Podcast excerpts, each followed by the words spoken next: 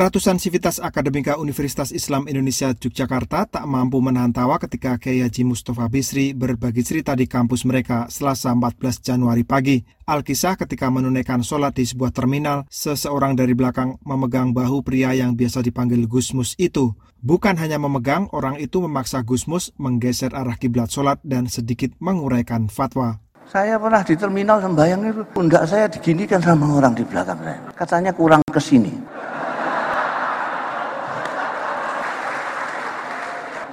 Dan saya saya di, di pidato nih. Saya itu ditausiai.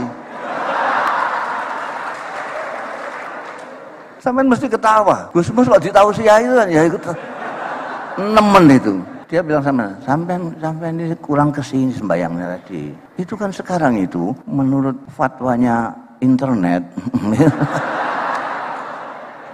Gusmus berbagi kisah itu ketika berbicara dalam dialog kebangsaan, merawat persatuan, menghargai keberagaman di kampus UII Yogyakarta. Mendampingi Gusmus sebagai pembicara adalah Abdul Mukti, Sekretaris Umum Pimpinan Pusat Muhammadiyah. Menko Polhukam Mahfud MD juga hadir memberi pidato pembuka dan Gubernur Daerah Istimewa Yogyakarta Sri Sultan Hamengkubuwono ke-10 sebagai pembicara kunci. Gusmus meminta kalangan intelektual untuk menjadi contoh dalam kehidupan berbangsa. Contoh dalam praktik inilah yang saat ini kurang di tengah segala macam wacana tertulis tentang Indonesia. Abdul Mukti setuju dengan pendapat Gusmus tentang pentingnya contoh nyata dalam kehidupan sehari-hari dalam merawat persatuan bangsa. Karena itu maka membangun bangsa yang rukun itu sebenarnya teori sosiologinya tidak selalu tidak terlalu rumit. Semakin orang itu sering bertemu, semakin orang itu sering berinteraksi dan orang berinteraksi itu dengan intensitas yang tinggi, maka akan terjadi proses dialog dan proses dialog itu menjadi pintu untuk dia bisa mau menerima, mau mendengar orang yang lainnya yang berbeda itu. Sri Sultan Hamengkubuwono ke-10 mengajak masyarakat Indonesia untuk menengok sejarah agar memahami kebinekaan itu sendiri. Sejarah telah menorehkan semangat kebineka tunggal ikaan yang bisa dilacak dari narasi-narasi kemanusiaan para pribadi pelaku sejarah.